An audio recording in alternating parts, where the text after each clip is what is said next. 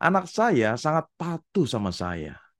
Namun kok saya lihat dia tuh kurang mandiri dan kurang terampil dalam mengambil keputusan.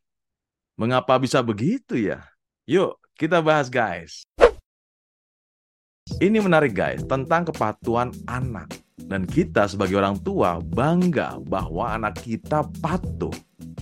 Namun dari sisi lain, kenapa anak kita kurang mandiri dan kurang terampil dalam mengambil keputusan?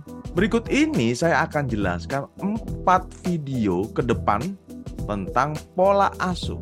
Nah, semoga berguna buat kita bersama ya guys. Video yang sekarang tentang pola asuh yang pertama adalah pola asuh otoriter.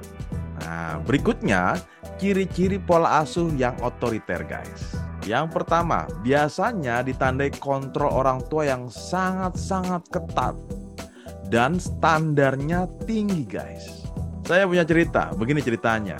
Jadi ketika anak saya masih SD, waktu itu anak saya dibagikan nilai dan kebetulan nilainya adalah 85. Untuk versi saya dengan nilai segitu ya sudah cukup baik. Ketika saya ngobrol-ngobrol dengan teman saya tentang nilai di sekolahan anak saya, eh tiba-tiba ada ibu-ibu yang memarahi anaknya. Karena nilainya dianggap jelek sekali. Anaknya sampai nangis karena omelan ibu itu. Jadi saya penasaran, sebenarnya nilainya berapa sih kok sampai marah-marah? Ternyata nilai anak itu adalah 95. Dan ibunya menuntut anaknya untuk mendapatkan nilai 100. Nah, begitu ironis ya guys tentang hal itu. Ini adalah salah satu ciri pengasuhan yang otoriter jadi, menuntut anak untuk sempurna. Padahal orang tuanya juga belum tentu sempurna.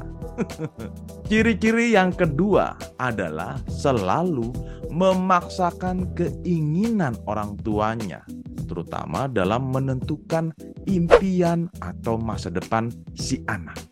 Misalnya nih, mentang-mentang bapak ibunya seorang dokter, maka anaknya dipaksa harus menjadi dokter juga.